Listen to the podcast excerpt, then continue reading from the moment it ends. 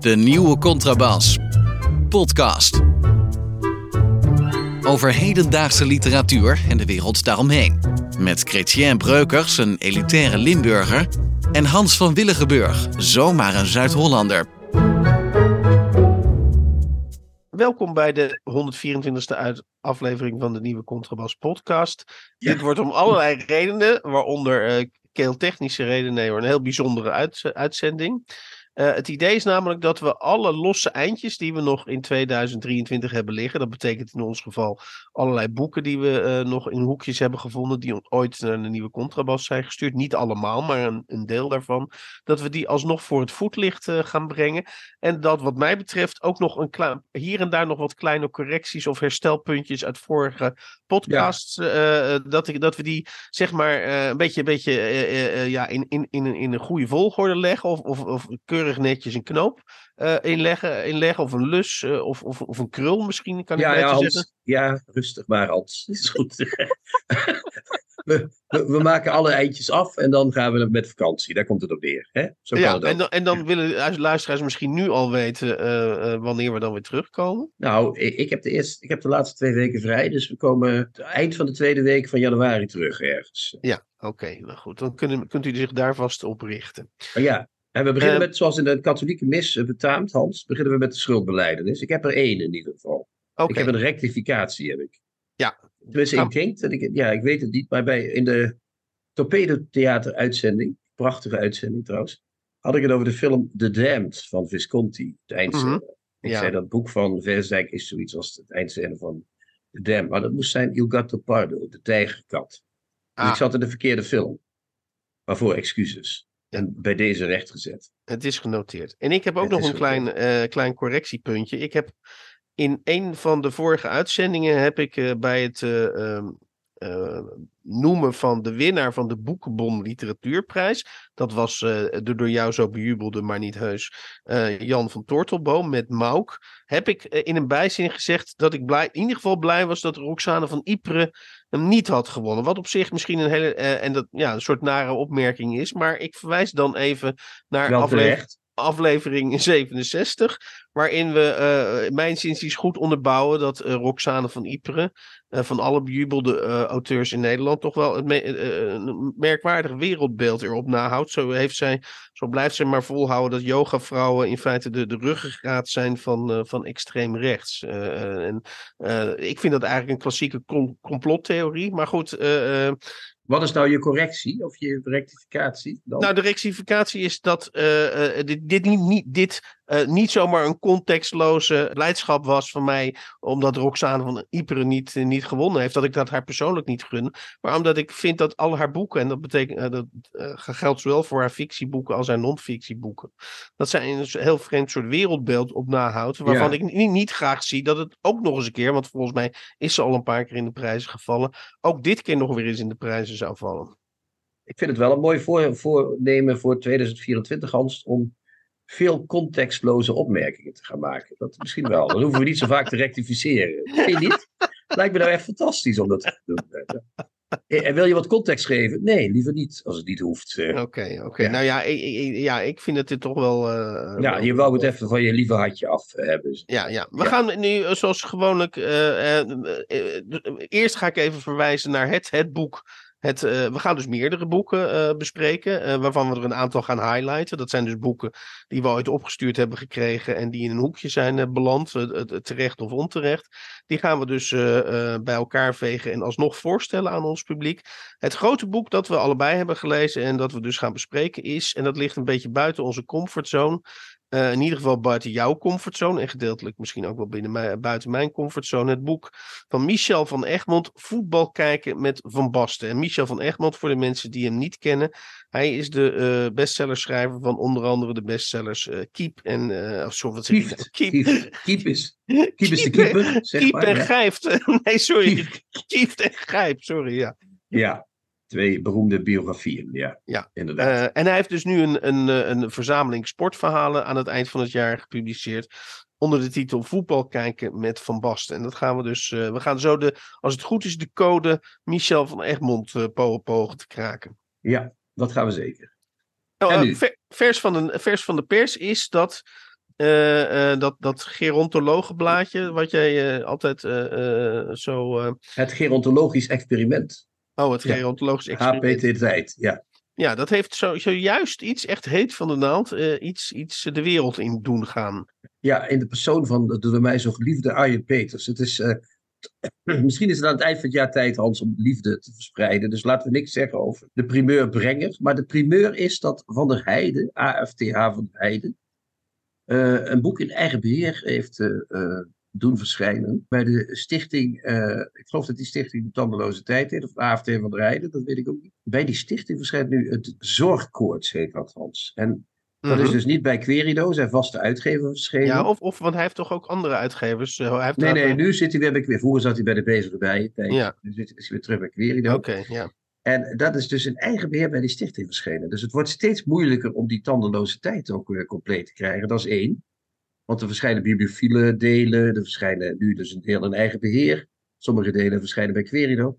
Maar het tweede is dat het natuurlijk heel raar is voor een auteur als Van der Heijden om iets in eigen beheer uit te geven, toch? Of niet? Eh, dat vind ik tenminste niet iets in ons in onze leeswereld is dat nog iets vreemd als dat Als ik dan toch nog even het woord context mag gebruiken, misschien tot, jou, tot, jouw afschuw. We hebben natuurlijk afgelopen weken hebben we ons laten verleiden tot wat vergezichten over waar het met de literatuur zo ook uitgeeftechnisch heen zou moeten. We hebben, we hebben geconstateerd dat de, de, de scheidslijnen nogal, nogal warrig zijn. En uh, de, uh, dan is het misschien helemaal niet zo, gelet op die context, helemaal niet zo'n gekke uitkomst. Dat een, een, een succesauteur, want zo kun je AFT van Haren toch nog steeds wel noemen. uiteindelijk zegt, nou weet je wat, steek die hele uitgeverij maar in je. In je, hè? ja, je weet wel. Ja. Je weet wel, en ik ga het gewoon zelf doen. Ja, want ik denk ook dat het dat is. Ik bedoel, kijk, ehm, de verkopen lopen wel terug, maar als je 10.000 boeken in eigen beheer weet te verkopen en ik verwacht van dit deel dat dat wel gaat gebeuren. Dan uh, hou je er uh, misschien, nou, wat zal het zijn, uh, 40, 50.000 euro over in plaats van uh, 20.000 bij de uitgeverij. Dus ja. het is voor Van Rijden zelf, denk ik, wel gunstig. Ja, en wat ik ook bijzonder vond, van vol, volgens mij aan, aan deze aankondiging, is dat hij uh, wat, wat normaal natuurlijk bij uitgeverijen gebeurt, is dat je twee, drie maanden van tevoren uh, via de aanbiedingsfolder uh, weet je dat een boek eraan komt. En dit wordt in ieder geval volgens mij door HP de tijd als een complete verrassing gebracht. Ja, ook dat nog eens een keer. En misschien is ook de dictatuur van de aanbiedingsfolders wel een keer voorbij, weet je wel. Boeken moeten verschijnen, want ze zijn aangeboden. Ja. het is helemaal niet nodig. Een mooi boek verschijnt en dan gaan mensen dat lezen. Dat, ik, in, in zekere zin zit hier een lijn van wat ik over de literaire wereld in de toekomst uh, probeerde te zeggen. Geen troep meer uitgeven en mooie boeken gewoon in de wereld brengen. En dan onder de lezers ja. spreiden. Ja, en, en, en, uh, ja zeker. En, uh, dus misschien is Van der Heijden wel een voorloper. Nou ja, een voorloper is misschien een groot woord. Maar hij, hij doet net als sommige cabaretiers nu het zelf. Hè? Dus ja. het is gewoon slim, denk ik, wat hij doet. Ja, nou ja, je zou er. Ja, goed, oké. Nee, eh, ja, onder, onder, het hele, onder de hele ontwikkeling zou je een, een soort uh, nieuw. Uh, zou je het begrip nieuw. Maar dat is een, misschien een beetje journalistiekerige term. Die jou misschien ja, maar het is niet helemaal. Ja, maar het is ook niet helemaal een soort nieuw. nieuw kwalite, kwaliteits. Een soort nieuw hernieuwd of gerevitaliseerd kwaliteitsbewustzijn. Want, want AFTA van de Heide weet natuurlijk dat hij dat die, dat die een naam is. Dus die gaat gewoon rekenen. En die denkt, ja. Uh, uh, hallo, uh, waarom zou ik inderdaad nog zoveel van de inkomsten afstaan? Dus ja. dan kan ik net zo goed zelf gaan doen. En, maar... Ja, en hij weet ook, hij, hij levert meestal, kijk wat je er ook van vindt, hij, levert, hij is in ieder geval een conscientieuze schrijver. Dus hij levert geen nee. rotzooi. Zo van in eigen beheer ja. doe ik een beetje de flauwe kulletjes en bij de uitgever komen de echte boeken. Dus dat valt ook mee natuurlijk. Ja. Heel voor de hand liggend bruggetje ook naar, naar het tweede onderwerp. Namelijk dat Reven uh, komende uh, week uh, 100 jaar geleden geboren is. 14 december geloof ik. 14 december. En daarvan zei Arno Gunberg, hij was in zekere zin een, een, een ziener. sorry dat ik die naam nog even noem, Arno Gunberg. Uh, want uh, was als een van de eerste door dat de schrijver een winkel heeft. En, nou, en dat heeft AFT Jan van der Heijden dus nu in concrete daden om, omgezet. Maar er waren, er waren een heel aantal cursiefjes in, in, in de Volkskrant van bekende schrijvers gewijd. dit weekend, hè? Ja. Oh ja, gewijd aan de toekomstige honderdste geboortedag van, van Gerard Reven. Ja, we hadden dus door jou zo geprezen Gunberg, hè, die het winkelaspect naar voren bracht. Ja. En die ondertussen ook weer niet kan laten om dan te zeggen dat sommige mensen nu ook een winkel hebben, maar een lege etalage. Vond ik ook wel, vond ik wel grappig, eerlijk gezegd. Peter Buwalda, die een soort sentimenteel stukje over zijn revenverering schrijft van vroeger, toch? Ja, en dan hebben we nog. Hij, hij maakt ons deelachtig van het feit dat hij als jonge man, dus nog uh, redelijk lang geleden, dat hij af en toe, geloof ik, als ik het goed herinner, dat hij schreef.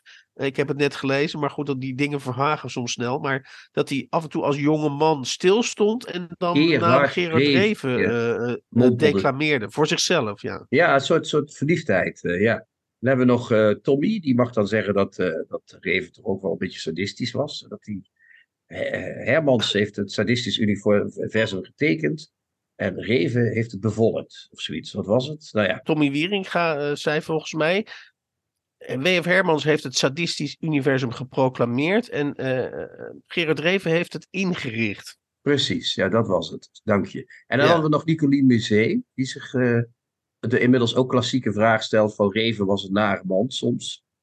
En toch schreef hij geweldig. Kunnen we daar wel, kunnen we daar nog wel van genieten? Dus het waren vier stemmen over de bijna 100 jaar geleden geboren Reven. 14. Als, dit, als deze podcast uitkomt, is het nog dichterbij. En, en, en ja, zoals gewoonlijk, eh, de vraag is natuurlijk: blijft Reven wel levend? Sorry voor deze rijm.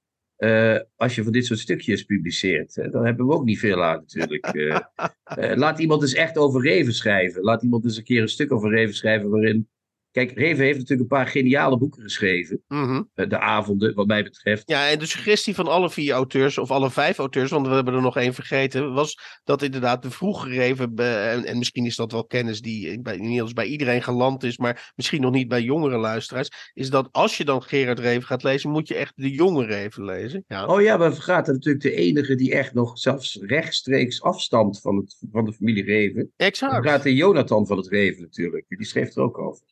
Ja, en, die schreef dat hij erg moest lachen om de tien verhalen, zei hij. Hè? Dat was het. Nou, die vond ik een heel ontroerend, eigenlijk van alle bijdragen het meest ontroerende stukje schrijven. Namelijk, hij laat eigenlijk doorschemeren dat er zelfs eh, bij, bij hemzelf ook hele weken of maanden, misschien zelfs jaren, dat durf ik niet voor hem in te vullen, voorbij gaan. Dat hij ook niet elke dag denkt aan Gerard Reven, maar dat hij af en toe als troost uh, zo'n boek van, uh, wat is het? Zijn oom De tien verhalen. Ja. Het is een oom van hem. Ja, ja, ja een, oom, hij was, een oom, ja, hij precies. Is, nee, oud-oom, want hij is de kleinzoon van Karel van het Reven. Dus zijn oud-oom. Oh, zijn auto. Nou, en, en dan zegt hij dus dat hij af en toe iets, iets inderdaad uit, in, in, in, heel chielijk uit de boekenkast trekt om, om zich weer even te vergapen aan dat proza. En dan eindigt hij dus hij zegt, ah, hij benadrukt eigenlijk dat, dat ook bij hem Gerard Reven niet meer zo heel erg leeft. Maar dan wordt hij door die flitsen uh, die hij dan weer leest van Gerard Reven, uh, daardoor wordt hij toch weer begeisterd. Dat vond ik heel mooi hoe hij die wending in dat kleine stukje aanbracht. En toen zei hij, het maakt me eigenlijk niet uit, daar, eindigt hij dan mee, even in mijn eigen, door mij geparafraseerd. Hij eindigt dan eigenlijk met, ja, het maakt me eigenlijk niet uit of Gerard Reven nog door veel mensen gelezen wordt, zolang ik hem maar kan blijven lezen. Ja, dat vond ik ook het mooiste stukje van allemaal. Ja. Kijk, er zijn natuurlijk allerlei dilemma's die om Reven heen uh, hangen. Als je hem leest. Het is veel, hè. Kijk, het, het, vervelende van schrijvers die dood zijn, is die hebben geniale boeken geschreven. En daarnaast hebben ze ook nog een heel oeuvre gemaakt. Dat is soms jammer natuurlijk. Hè? Ze mhm. kunnen beter die geniale boeken schrijven en dan meteen van het toneel verdwijnen. Dat is het beste. ja, nee, ja, dat is het beste voor alle partijen. Maar uh, hij maakte het inderdaad mooi. En ik denk dat. Uh, wat denk jij eigenlijk? Je, lees jij Reven nog wel eens, Hans? Uh, nee, ik, het is niet iets. Nou, en, en, en ik wil, dat zou heel kinderachtig zijn, maar ik ga het toch doen. Dan ga ik dus deels de podcast de schuld van, nemen, eh, van geven. Want het is echt zo, uh, en ik wil nogmaals, ik wil daar niet uh, te lang over hebben. Maar het is wel zo dat door het maken van de podcast. En we hebben ook nog voor de mensen die zich afvragen: wat doen die jongens nog verder? We hebben zelf ook bij alle, allebei gewoon reguliere werkzaamheden waar we ons brood mee verdienen. is het zeg maar het te hooi en te gras lezen, is echt substantieel bij mij terug, teruggelopen. Dus met andere woorden. Uh, als, als ik die podcast niet zou maken, zou de kans groot zijn dat ik af en toe gewoon inderdaad een spontane reven pak. En nu denk ik ook, maar ik moet, moet, ik moet gaan lezen voor de volgende podcast. Ja, dus je moet nu de komende weken dat je vrij hebt, dan zou ik zeggen, grijp je kans, toch? Ja, uh, ja, ja, ja zeker. Uh, want Reven heeft natuurlijk fantastische boeken geschreven. Ondanks het feit dat van die rare stukjes in de Volkskrant over staan, is het toch uh, de moeite waard. Zeker ja. de, vroege, de vroege Reven. Klinkt een beetje als de vroege Dylan. Maar goed, oké. Okay. Ja, ja, er zijn fantastische boeken. Ik bedoel, de avonden. Op weg naar het einde, nadat het u. zijn toch geniale werken? Ja, en de, de, de, de familie Boslowitz. Uh, ja, die eerste novelle. En ook nog wel een paar latere romans. Zo Oud en Eenzaam vind ik ook nog wel mooi hoor. Maar goed. Ja, ja. Enfin, voor het, het gaat niet over Reven, het gaat over de, die stukjes, over zijn jubileum. Ja. dus we zijn zelf kritisch, zo zijn we ook begonnen. En dus als, als we iets uh, rechtzetten hebben, dan zullen we dat ook rechtzetten. Maar we mogen af en toe ook onszelf wel een klein veertje of een kleine rode roos toesteken ik ben geabonneerd, of ik, volgens mij heb ik een abonnement gekregen, want volgens mij uh, betaal ik er niet voor. Maar ik krijg die nieuwsbrief van Jamel Ouariashi elke week toegestuurd. Okay. ik vind het wel een interessant verdienmodel, want hij heeft voor zichzelf, hij, hij denkt waarschijnlijk als ZZP en de schrijver ook, van hoe kan ik een, een, een aardig maandinkomen bij elkaar. Nou, ik ga, week, ga wekelijks over een, een, nieuws, of sorry, een soort nieuwsbrief over literatuur maken. En dan kunnen mensen zich uh, voor 4 euro in de maand kunnen zich daarop abonneren. En volgens mij had hij onlangs binnen één week had hij 100 nieuwe abonnees uh, uh, weten te scoren. Dus het is, en wat je verder ook van zijn schrijverschap vindt, dat vind ik wel een creatieve manier van. Zeker van, uh, van ondernemen. En hij had dus laatst in een van zijn nieuwsbrieven, en dat moest ik heel erg om lachen, uh, was hij er eigenlijk voor. Hij is een soort angry, ik zie hem vooral als een angry young man. Uh, ja, hij is wel een beetje een angry young middelbare. Ja, oké. Hij wordt al wat ouder. Hij is van 1978. En, toen stelde, en toen stelde hij voor dat al die. Hij ergert zich namelijk net als wij regelmatig aan die juries. Uh, waarschijnlijk omdat hij zelf, omdat hij zelf nog niet, uh, niet uh, al te zeer in de prijs is gevallen. Al heeft hij volgens mij hier en daar. Wel, hij heeft hier en daar wel eens een prijsje gewonnen. En toen stelde hij voor dat die juryberaden gewoon open, voortaan openbaar moesten. en wie heeft dat altijd gezegd, Hans? Precies. en wie, wie, wie brengt dat al in de praktijk? Jawel. Laten we onszelf gewoon maar even die veer inbrengen. Wij deden dat al. Ja, exact, exact. En terecht ook trouwens, ja. Eindelijk komen ze erachter. Hè? In het verre Amsterdam, zoals je altijd zegt. Ja, ja. en verder wilde ik nog, uh, en dat, had, dat, is, dat, dat zit onder het kopje veegactie. Ik heb al, uh, denk vijf à zes weken, misschien zelfs acht weken al iets voor de intro staan. En dan ben ik steeds maar niet aan toegekomen, omdat er steeds actualiteiten, uh, zeg maar, voorschoven. En uh, dit is dan bij uitstek uh, de gelegenheid om dat dus wel uh, te behandelen. Kan ik ook een bruggetje leggen naar de verkiezingen? Um, namelijk dat ik ben gefascineerd door de NRC-columns van Ellen Dekwits. Ja, oké, ik ook op een bepaalde manier, maar dat is geen dan, fijne manier. En, en, en, dan, en dan vooral de beginzinnetjes. Uh, en ik heb er dus een aantal op, opgeschreven. Ja, en, als er nog, en als er nog mensen zijn, uh, en je weet, ik ben een bewonderaar van de electoraal geograaf Josse de Voogd. Josse de Voogd is iemand die zegt: toon mij uw wijk, toon mij de wijk waarin u woont. En ik weet bijna zeker wat u stemt. Nou, okay. um, uh, dit lijkt me dus, Ellen Dekwits, als je dit soort beginzinnetjes bij elkaar veegt, zoals ik net heb gedaan, dan zie je gelijk een wijk voor je en dan zie je ook gelijk een politieke partij voor je. Nou, ik zal als jij de zinnetjes doet, probeer ik de partij te gaan. Is dat een leuk spelletje of niet? Ja, ja nou, een zinnetje uit een van haar, beginzin van een van haar columns. Een tijdje terug ging ik met bevriende schrijfster M even op mini-vakantie. Uh, Sorry. Ja. Wat, wat heerlijk. Ja, heerlijk hè. Ja, uh, tweede beginzinnetje. Uh, beginzinnetje. Vrijdag had ik met een goede vriendin en op een zeker moment hadden we het over de jaren negentig. Een goed moment, Hans, noteren we even. Beginzinnetje 3. Beginzinnetje 3. Dit weekend was ik even in Nederland voor een familiefeest. ik ja, zie jou, ik zie jou. Jammer, dat, jammer dat er geen beeld bij is bij deze. Ja, ondertussen haal ik een zweep over mijn rug, Hans. Welke pijn is erger? Ik weet het niet. Maar ga en dan, door. en dan nog één laatste eh, beginzinnetje. Tot voor kort was het ergste dat me in een bioscoop overkwam de film Battlefield Earth. Maar begin augustus vond er nog iets naarders plaats. Ja, ze stemt zeker niet op de NSDAP, denk ik. Of wel, dat lijkt me sterk. Als dit geen GroenLinks is geworden of bij één, dan weet ik het ook niet meer. Nee, nee de Partij voor de Dieren waarschijnlijk. Of, ja. Nee, zoiets. Wat denk jij? Uh, ja, ik denk GroenLinks, Partij voor de Dieren, zoiets. Hè? Ja, en ik zie ook een wijk voor me in Amsterdam met veel sociale woningbouw, maar wel bewoond door allemaal uh, artistieke mensen. Ja, ja, ja, ja. ja, ja. Um, dus, dus ja, nou Wat walgelijk uh, allemaal, hè? maar goed, oké. Okay. Ja, dat is ja. wel grappig. Ja, dat, wij, wij slaan, wij, ondanks onze verschillen, uh, slaan wij dus hier, oh, dat vind ik wel grappig, we slaan hier allebei dus op aan, op dit soort beginzin. Ja, ik lees ze ook wel, maar echt met afgewend gelaat. dat is wel echt uh, een van de dingen die... Ja. Maar we gingen lief zijn het volgend jaar, hè, dus gaan we er nu eens mee ophouden met dit gesprek. Ja. En ik heb tenslotte, dat is wat mij betreft dan even de gewetensvraag van tweede, de slotgewetensvraag van 2023. Heb jij ooit met auteurs gedweept, uh, Kreetje? Nou en of, Hans. ik heb gedweept als een uh, jong hondje, een jong kwispelend hondje heb ik uh, gedweept. Ik heb met, met toen ik heel jong was, een tijdje met, ja, dit, ik schaam me er diep voor, met Jan Wolkers gedweept. Althans, met, met een paar van die beginboeken. Ik heb gedweept met Jeroen Brouwers. Mhm. Ik heb ooit een keer hier een gesprek in Nijmegen gehad met Frans Kusters, zalige nagedachtenis. En die was tegen Jeroen Brouwers. Nou, ik heb die man bijna toen, die is al vroeg gestorven, maar ik had hem nog iets eerder willen laten sterven. Zo diep beledigd was ik. Mhm. Ik heb gedweept met, uh, met uh, Rabal, met Kathy Ecker. Heb ik, dweep ik eigenlijk nog steeds mee. Ik ben een echte dweper eigenlijk, denk ik. Het is alles of niets. Op de valreep leg ik ineens iets bloot in 2003. Ja, ik kan echt, als ik een schrijver goed vind, vind ik hem heel goed. En, en het is heel persoonlijk bij mij. Schrijvers kunnen mij ook ineens tegen gaan staan als persoon. Ja, maar dus ben je nu, ik, ben je nu de leeftijd gepasseerd dat je het nog dweept, of niet? Nee, ik heb nog steeds wel dat ik soms, soms bij Kathy Ecker of zo voel ik dat dwepen nog, nog wel eens. Of bij Rabbal. Dat, dat, dat, dat, ik kan het nog wel navoelen, maar ik heb niet meer dat... Het was vroeger wel echt alles of niets, weet je wel. Dat is minder geworden. Het is niet zoals iemand het niet goed vindt, dat ik vind dat die persoon dan dood moet. Maar dat vond ik vroeger wel eigenlijk, eh, ja. Ja. Ja, nou ja, ik heb volgens mij. Ik, ik, ik, ik Jij niet, hè? Ik, zie jou nou, ineens... wat minder. Maar ik, ik weet wel dat ik. Uh, een van de eerste schrijvers waar ik van onder de indruk was. En misschien moet jij nu heel erg hard lachen. Uh, nee hoor. Maar toen, maar toen, was ik ook. Ja, ik denk dat ik 15 of 16 was. Toen dweepte ik met Ben Borgart, De Vuilnisroos. Oh, grappig. Ja, maar dat is een heel leuk boek uit, over Amsterdam Noord. Dat is een fantastische roman ook. Ja, nou ja, goed. Ja. Maar, maar de, dus mensen. Jammer genoeg wel zijn enige goede roman. Maar goed, dat is weer Maar dat snap ik heel goed dat je daarmee dweept. Jan Kostwinder had dat ook trouwens. Die vond dat ook fantastisch. Ja, ja, ja. Dus, dus wat, dat, is wel, dat, is wel, echt een boek waarvan ik denk, nou, dat zou best wel eens heel uh, interessant kunnen zijn om dat her, heruit te geven. Omdat dat, ja. Uh, een, een, uh, het, volgens mij is het uit 1973 en het geeft echt een heel mooi tijdsbeeld ook. ja.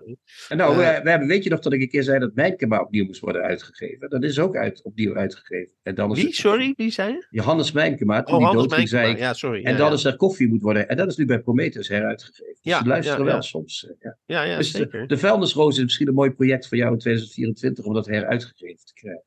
Oh jee, dat, dus jij schrijft dat. Uh, ja, nee, oké. Okay, dat, nee, ja, niet in jouw schoenen, maar daar moet een uitgever achter. Ja, staan, precies, maar... precies. Ja, dat, dat, uh, en later heb ik, uh, en dat zal jou, want ik heb natuurlijk he, heel besmaakt meegelachen om al jouw grapjes over Remco Kampert. Maar toen ik, rond, toen ik 18, 19 was, vond ik hem wel de archetypische kunstzinnige schrijver die ik zelf ook. ja, natuurlijk. Ja. Had. Ja, maar ik, ik, ik zal nooit om mensen die dwepen, zal ik nooit lachen. Dat vind ik altijd wel leuk. Ja, ja. En, Als, en, als, en als volwassen man, uh, nog niet zo heel lang geleden, heb ik ook uh, jaren gedweept met Fernando Pessoa. Maar goed. Uh... Oh, Oké, okay, ja. ja. Toen was je wat cultureler geworden, die Frans. Ja. Nou, mooi toch? Mo twee, mooi, twee mooie, oude... afronde, mooie afronding van 2023, toch? Twee oude dwepers op de rand van het, van het nieuwe jaar. Ja, fantastisch. Op naar een andere dweper, zo meteen. Hup. Tips van de week. Boeken, artikelen of pamfletten die boven het maaiveld uitsteken. En dan gaan we nu naar de hoofdmoot van uh, deze uh, laatste aflevering in uh, 2023. En dat, die hoofdmoot heb ik nu in mijn handen. En dat is het boek Voetbal kijken met Van Basten en andere sportverhalen door uh, ik denk dat uh, hij zichzelf de sportschrijver van Nederland mag noemen. Ik zeg niet dat hij dat zelf doet, want hij schijnt uh, in het dagelijks leven. En ik heb hem een keer ontmoet, dus ik ken deze auteur, Michel van Egmond. of ik ken hem niet goed, maar ik heb hem wel gesproken, laat het zo zeggen. Um, en hij is ook de schrijver van instant bestsellers. Kieft en Grijp. En hij heeft zelfs ja. volgens mij drie keer de NS Publieksprijs uh, gewonnen. En wat is hij in het dagelijkse? Is hij nou wel of niet bescheiden? Want je wou die zin, heb je niet afgemaakt. Ja, hij, uh, ik denk wel dat hij iemand is. Okay. Een archetypische fly on the wall. Die niets liever, niets liever doet dan in stilte iemand observeren. En in zijn wereld is het zo, omdat als hij iemand observeert, dat meestal een beroemd iemand is. En meestal iemand uit de sportwereld. Maar hij heeft bijvoorbeeld ook een keer Patty Bart. heeft hij voor een boek gevolgd. En dan maakt hij van tevoren maakt hij minutieuze afspraken over, uh, met die persoon die die gaat volgen over uh, nou ja, het te maken boek en wat wel en niet toe, is toegestaan. En van hem weet ik toevallig, want dat heeft hij mij persoonlijk verteld, dat hij uh, heel goed heeft samengewerkt met Patty Bart en dat hij dat een geweldig professionele persoonlijkheid vond daarin. Ja. Oké, nou, Wat een compliment zo op de rand van het jaar. Hè? Jongen, jong.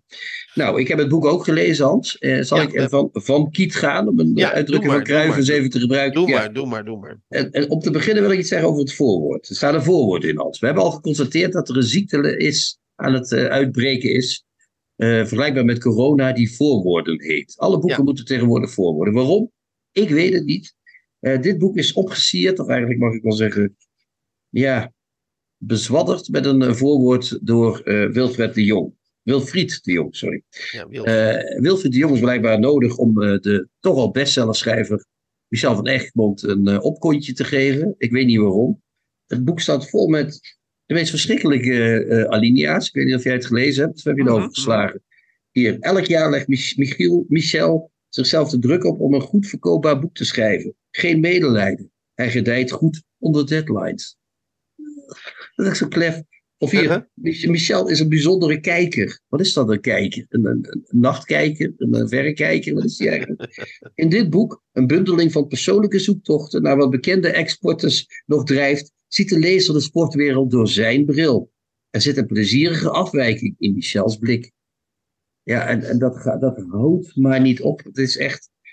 Ik vertrouw blind op wat er goed blind. Dus uh, de jongen is geen ziener, blijkbaar. Op wat er groeit en bloeit in de bijzondere hersenpan van Michel van Egmond. Nou, ja. is, en dan moet het boek nog beginnen, Hans. Ik word daar niet dus blij van, als ik eerlijk moet zijn. Ja, dus ik begrijp eigenlijk dat je. nee, ik ben het wel met je eens. Ik, begrijp, ik, laat ik, ik, ik, heb, ik voel niet zozeer zo, die weerzin zoals jij die nu presenteert. Vind ik hartstikke mooi. Maakt mij helemaal niet uit. Maar ik denk op mijn manier wel van ja, begin gewoon, met, begin gewoon met het eerste verhaal. En waarom moet, waarom moet jij nog, want daar heb, vind, vind ik dat je helemaal gelijk hebt, waarom moet uitgerekend Michel van de Egmond dan nog weer geaccordeerd worden door, uh, door Wilfried de Jong. Dat ja, dat weet ik niet. Misschien is dat een Rotterdams entrenoetje. Ik weet het niet. Ik nou, weet niet wat het is. Ik weet dat ze, dat ze twee, uh, twee keer per week, geloof ik, met elkaar lunchen en met, met elkaar ja. genoeglijk zitten te praten. Ja. Maar dat, ja, dat, dat is hartstikke leuk voor, voor Wilfried de Jong en voor Michel van Egmond. Maar waarom we daar een voorwoord, aan, voorwoord over moeten houden, is mij ook niet duidelijk. Volledig raadsel. Dat, dat heeft zo'n jongen toch niet nodig, zou mijn vader zeggen. Ja, nee, precies. Um, dan hebben we de verhalen zelf. Er, zijn, uh, er staan in het boek, even kijken, 1, 2, 3, 4, 5, 6, 7 verhalen. Ja. Het begint met voetbal kijken met Van Basten, het uh, titelgevende verhaal. Uh, dan heb je nog een, je hebt een, een aantal verhalen. Je hebt een mooi, een, het mooiste doelpunt aller tijden. Schijnt te zijn gemaakt door een Braziliaan. Wist ik ook niet. Carlos niemand. Mij, ja, Carlos. Ja, had niemand mij ooit verteld. 1970, maar ja, toen waren we ook, was, jij, was ik zes en was jij vijf. Uh, vijf ja, ja oké. Pasta eten met Ben Johnson, de hardloper. Lunchen met Mart en Kees, met Mart Smeets en Kees Maar Probeer je dat eens even voor te stellen, Hans. Lunchen met Mart en Kees. nou, dat is er nog wel. Gaza Away, dus dat is over uh, Paul Gascoigne. Ja. Een boek, een verhaal over Johan Cruijff en andere voetbalstandbeelden. Dat is een overpeinzing over standbeelden. En als slotstuk een werkelijk van sentimentaliteit druipend verhaal over Rotterdam en Feyenoord. Toch? Dan, dat, dat is de samenvatting van het boek. En nu mag jij beginnen wat je er allemaal in gezien hebt. Dan kom ik daarna er wel achteraan. je bedoelt, je wilt nu gaan bij mij gaan onderzoeken hoe, hoe ver... Uh, ja, wat vond uh, jij er nou van, Hans? Wat vond jij hier daarvan? Het is onze, nou, buiten onze comfortzone, zoals je al zei. Ik heb dit onderwerp net aangekondigd onder ehm, het kopje. We gaan proberen de code van Egmond te kraken. Maar als, eh, als ik zeg maar jou zo hoor, dan heb je zoiets. Nou, dit, uh, waarom nou ik heb wel een idee wat de code is. Dat heb ik wel, dat idee. Dat, ja, dat, ik nou, denk ik, dat ik, een idee heb. Ja. Ik, zal, ik, zal, ik zal zeggen wat, wat volgens mij de code van, uh, van, van Egmond is. Kijk, Van Egmond is denk ik iemand die. of tenminste, dat weet ik. Dat weet ik. voordat hij aan een verhaal of aan een boek begint, moet hij gewoon zeker weten dat het onderwerp uh, wat hij gaat beschrijven, dat geldt ook voor deze verhalen, dat het een groot publiek uh, zal trekken. Dus hij gaat uh, dat is natuurlijk al een groot verschil met literatuur. Is dat met literatuur kan over alles gaan. En dat kan, dat kan een hoog iets zijn, het kan een laag iets zijn, het kan een banaal iets zijn, het kan, iets, het kan alles zijn. Als een goede schrijver daaraan begint, dan kan hij dat interessant maken. Maar zo redeneert uh, uh, Michel van Egmond niet. En hij pretendeert denk ik ook geen literaire schrijver te zijn. hij gaat eerst heel naastig op zoek naar iemand die bij het grote publiek aanspreekt. En, en daar wil hij dan bij in, in de nabijheid verkeren. En wat hij dan vervolgens doet is uh, aan de ene kant, en dat doet hij ook uh, met Ben Johnson, met Carlos Alberto en met Marco van Basten. En in zekere zin ook met Mart Smeets en Kees Jansma. Is dat hij natuurlijk ons inwrijft dat dat hele bijzondere mensen zijn. Hij laat, hij laat zien dat die mensen hele bijzondere dingen gepresteerd hebben. Dat ze, al was het bij, wij spreken bij Carlos Alberto, uiteindelijk maar één historisch doelpunt. Doet er niet toe. Hij laat, ze, hij laat ze gloriëren in hun beste momenten. En wat hij dan vervolgens doet is dat hij ze laat zien in hun dagelijkse alledaagsheid, zou ik bijna zeggen.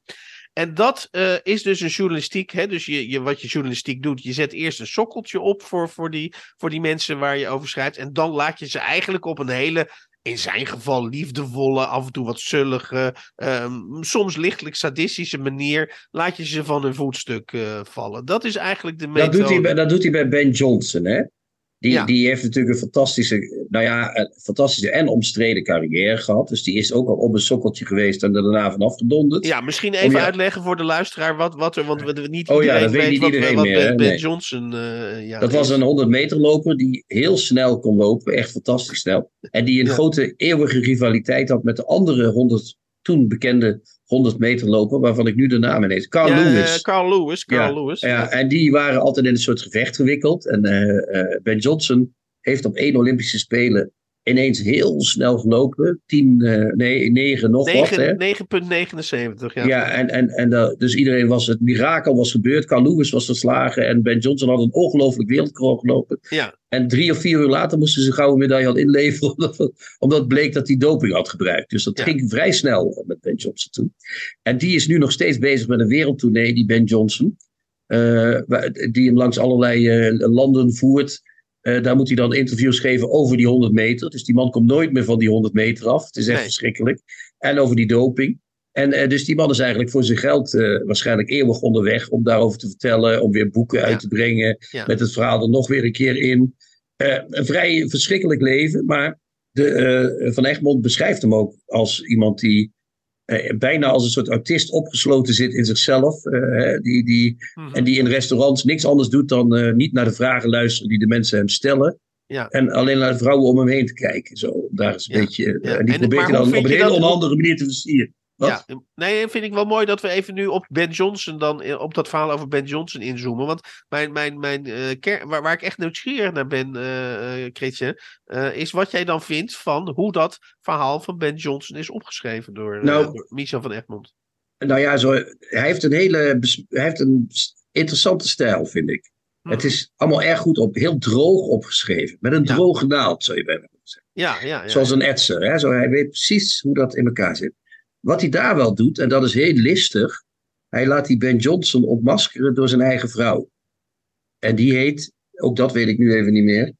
Doet Antoinette, of niet, Schulderman, zoiets ook interviewster. Oh, je bedoelt ja, Antoinette, ja, de, de, de, vrouw van Michel van Egmond. Ja, die is ook ja, interviewster, maar die, is met een, die zijn samen naar een lunch voor Ben Johnson, een van haar jeugdhelden. Ja. En uh, dat is een echte jeugdheld van haar. En dan zitten ze daarmee in een restaurant, zijn ze uitgenodigd om een diner bij te wonen voor uh, Johnson. En die Johnson probeert een vrouw te versieren in het restaurant, maar dat lukt hem niet. En op het laatst spreekt die uh, Antoinette Schulderman hem dan een beetje toe alsof hij een kind is. Van als je nou die vrouw nog eens probeert te versieren, doet dan een beetje leuk en toon interesse. Ja. En, ja. eh, dus hij, enerzijds uh, laat hij Johnson van zijn sokkeltje afvallen, maar hij geeft zijn vrouw nog een extra sokkeltje, zeg maar. Zo van, Ja. Die heeft hem toch maar mooi, hè, die heeft die jeugdheld van haar toch maar mooi ingepakt. Er zit een soort uh, grappige, ronde verhaalstructuur in.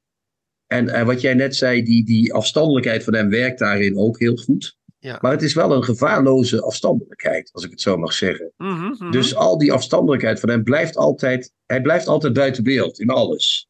Ja. Dus, dus hij is degene die kijkt en weergeeft.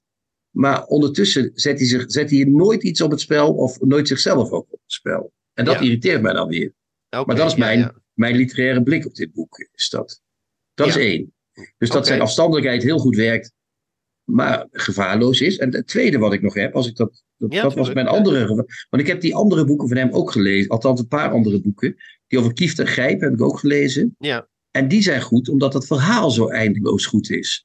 Eh, want het verhaal van Kieft is echt, dan denk je, hoeveel drugs kan een, drugs, sorry, kan een mens in, kan een mens Ja. in één, eh, in één eh, paar jaar naar binnen werken?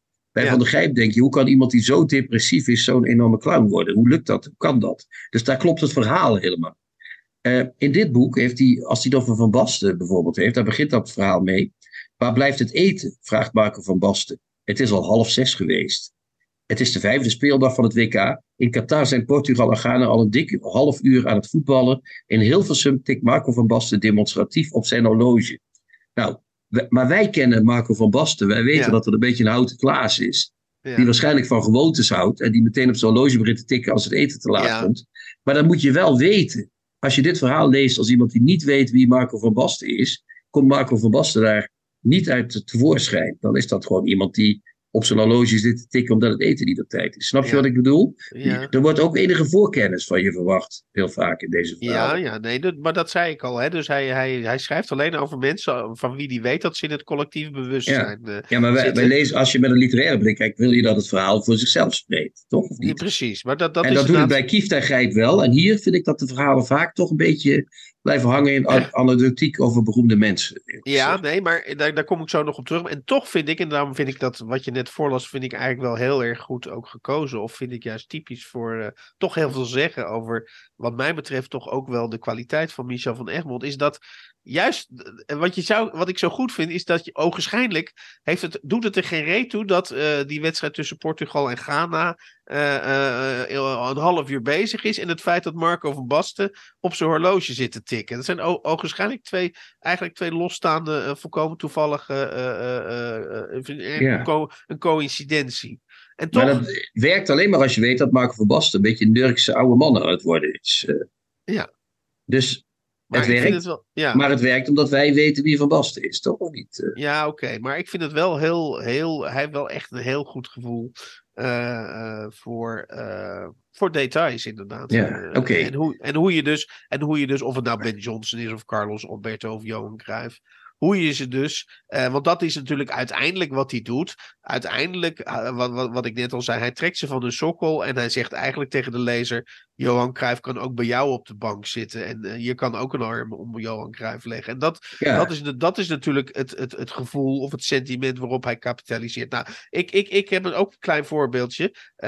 wat ik ook. Ik, ik, hij, hij schuurt natuurlijk constant tegen clichés aan. Hè? Of, nou, zeg maar behoorlijk er doorheen gaat hij. Of hij, of, ja, maar Dan, dan schrijft hij dus bijvoorbeeld op pagina 118. En dat is, even kijken welk verhaal is dat. Oh ja, dat is dat verhaal over Gascoin.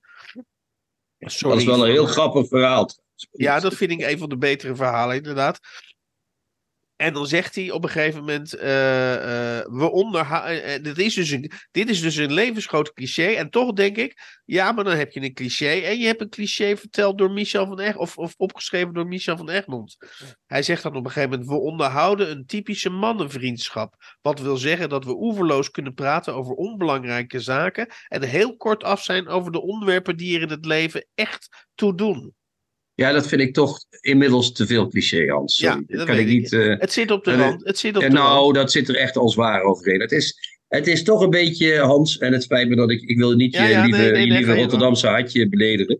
Uh, maar dit is toch echt zo vaak in honderden varianten ooit zo gezegd. Uh-huh. daar, kunnen we, daar kunnen we niet meer. Ja, dat is ook zo. Mannenvriendschappen zijn ook zo.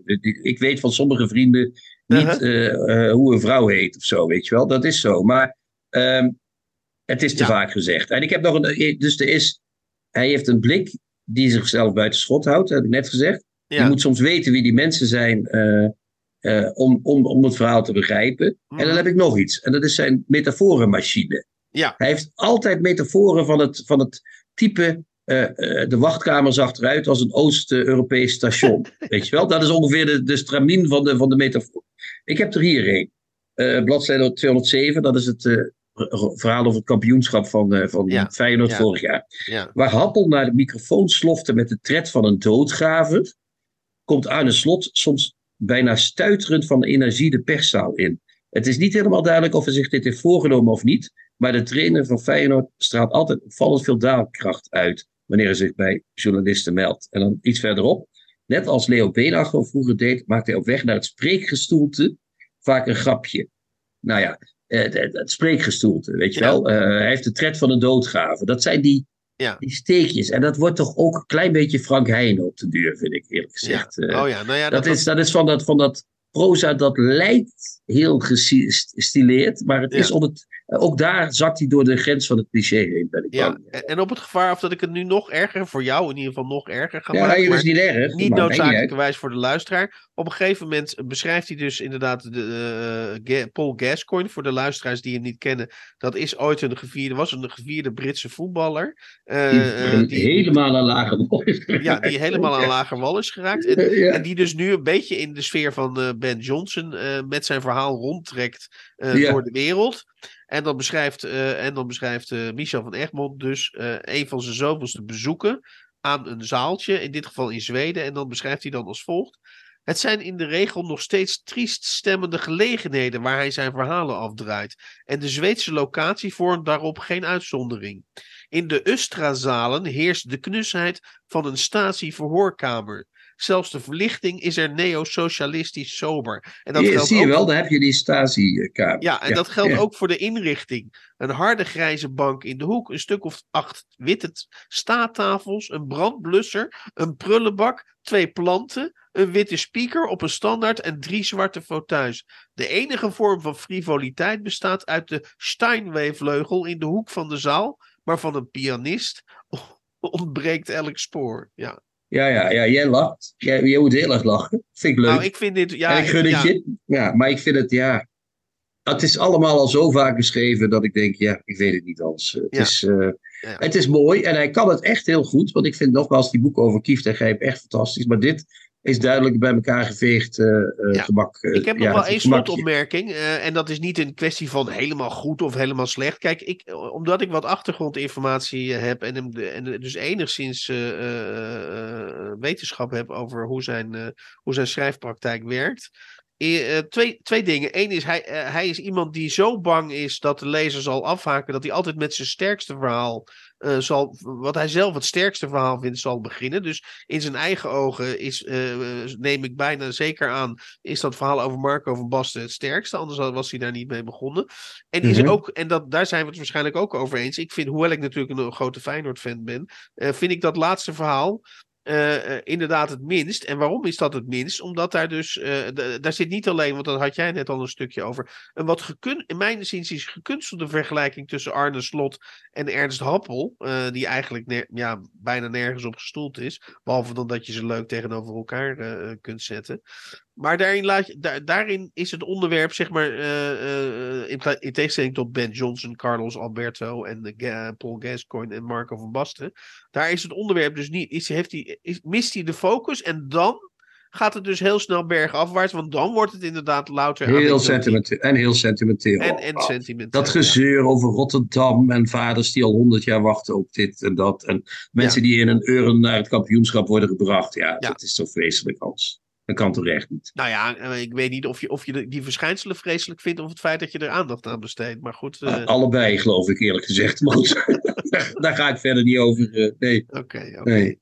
Maar goed. het is dus een goede schrijver met, met. Ik heb het idee dat hij wel goed kan schrijven, maar hij heeft geen, hij weet niet, hij heeft geen thema. Het is niet een literaire schrijver, omdat hij geen thematiek heeft. Hij heeft alleen nee. maar uh, die, die sport. Dat is, ja, ja, ik denk dat, ik denk dat hij zich dient. Hij is bij, nou ja, een ghostwriter zou ik hem niet willen noemen. Maar hij, ik denk dat als hij een, verhaal schrijft over Van Basten. of hij schrijft een heel boek. Wat je, waar, ja, dat is natuurlijk ook vrij. Dat je, dat je dus uh, een, jaar. Ik kan me dat dus niet voorstellen. Ik ben, dat geef ik eerlijk toe. Ik denk dat dat ook voor jou geldt. Kretje, ik ben niet nederig genoeg om uh, tegen mezelf te zeggen: Hans, jij gaat nu negen maanden alles van Patty Bart volgen. Ik denk niet dat ik, denk niet dat ik dat tegen. Ja, maar als je denkt wat hij daaraan verdient, dan zou ik dat wel doen, Hans, eerlijk gezegd. Eh, ja. Oh, ja, jij zou dat ja. wel kunnen. Nou ja, nee, ik zou het niet kunnen. Nee, ik zou niet zoals hem kunnen schrijven. Dat denk ik niet. Dat doet hij wel heel goed. Hij cijfert het zelf inderdaad weg. Ja. Dat klopt. Maar ja, het is zo. Het is ook een beetje. En dat is naast die andere kritiek. Het is allemaal zo oude jongens krentenbrood. Dat staat me ook mm. tegen. Dat, dat ja. mannen onder elkaar van. Och ja, ja. Patty Bart is ook leuk, weet je wel. Ja. Kunnen we ook een boek over schrijven. Of, uh, ja. maar, maar, niet, ja. En ook de hele tijd van, van uh, dat, in het begin zegt hij de jong dan ook van, geef mij koffie met gewone melk, want ik hou niet van het havermelk gedoe. Weet je wat zijn mensen, het beginnen langzaam mensen uit een andere tijd te worden, zeg maar. Begrijp je wat ik bedoel? Oh, maar het wordt allemaal een maar, beetje open zijn wij, zijn wij wil, wil jij die weg hebben dan of zo? Of die wil je nee, die wil ik niet weg hebben. Versneld naar de, naar, naar, naar de... naar de uitgang. Ja, nee, nee, nee, dat wil ik niet. Maar ik denk wel dat het ergens rond je midden vijftigste heb je twee wegen. Je zakt de ouderdom in of je probeert er nog wat van te maken. En uh, hij, hij, hij, komt op mij een beetje over als iemand die een beetje de ouderdom in begint te sukkelen, eerlijk gezegd. Uh, Oké, nou goed, ja. Ja, uh, dus je moet je, moet, je, moet je eigenlijk ja, niet fris niet, houden, ik, zeg maar. Ja, dat is het niet. Maar goed, ik denk niet, niet meer fris. Het, ik denk niet dat een boek schrijven op zich gaat bepalen of je de oude, wel of niet de ouderdom inglijdt. Maar goed. Nee, maar okay. dat kun je wel zien aan iemands manier van schrijven en iemands manier van ja. denken. Dat zie je daar wel in terug. Ja, nou ja, slotopmerking. En dat denk, ik denk dat het heel veelzeggend is over dit segment van de boekenmarkt. Waar, waar Michel van Egmond zich in begeeft. Ik weet bijvoorbeeld dat uh, in die wereld, in die, uh, waar ze natuurlijk inderdaad constant op zoek zijn naar bestsellers en naar onderwerpen om een, bestseller over te schrijven. Dat bijvoorbeeld Quincy Promes, die voetballer die nu in Rusland bij Spartak Moskou gezellig blijft zitten, omdat hij denkt, ja, als ik terug ga, dan word ik hier direct ingerekend. Uh, daar zitten dus volgens mij ook Michel van Egmond zelf hoor. Uh, maar verschillende journalisten. Die zitten daar dus achteraan om zijn levensverhaal op, op te tekenen. En ook daar zitten natuurlijk dan dollartekens achter. Want ja. Uh, ja iedereen wil dat levensverhaal van Quincy Promes. Ja, dan kom je toch op de grens al, hè? Als je dat gaat doen. Dan kom je wel op de grens. Ja, vind ik eigenlijk ook. Ehm, ja. we, we bespraken dus het boek Voetbal kijken met Van Basten en andere sportverhalen van Michel van Egmond. Trouwens dat vind ik, moet ik ook nog even op de valreep zeggen, echt vrij lelijk uitgegeven door, door de uitgeverij uh, Amsterdam. Inside. Ja, Inside inderdaad. Ja, de uitgeverij van Marieke Derksen. Ja. Een imprint van Over Amstel uitgegeven. Dit is nou zo'n boek waarvan je al op voorhand denkt, uh, ja, dat dit ziet er al beduimeld uit. Wat, wat ik van weinig respect vind getuigen. En daar moet je toch 22 euro voor neertellen. Ja, precies, exact, ja. exact. Nou, oké. Okay. Ja. Nou ja, we zijn eruit, Hans. Dit gaan we niet meer doen. Deze comfortzone verlaten. dat, is, dat was eens, maar nooit weer. Ik ga weer lekker terug naar de comfortzone. Tips van de week. Boeken, artikelen of pamfletten die boven het maaiveld uitsteken. Nu komen we bij het veegwerk. Het, het, ja, het, het veegwerk, ja. Kleinere gut en het marginalere werk, ja. Met alle respect gezegd overigens. Ja. Twee boeken die net verschenen zijn, die zal ik kort even doen. Misschien is er nog wel reden om erop terug te komen, maar uh, ik denk dat ik die wel mooi kan bespreken in korte ja. tijd. Uh, het eerste boek is van Frida Koch en Luce Beer.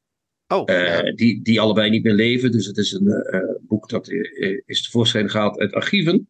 Dat is uitgegeven door Artistiek Bureau. Je weet wat dat is, hè? Dat is een antiquaar, okay. annex um, archievenduiker. Die heet uh, Nick Terwal. Die woont in Groningen en die heeft een antiquariaat dus. Maar ja. die heeft ook uh, een, een, mooie reeks met uh, archiefboekjes. Boekjes met oude brieven, lezingen, dat soort dingen.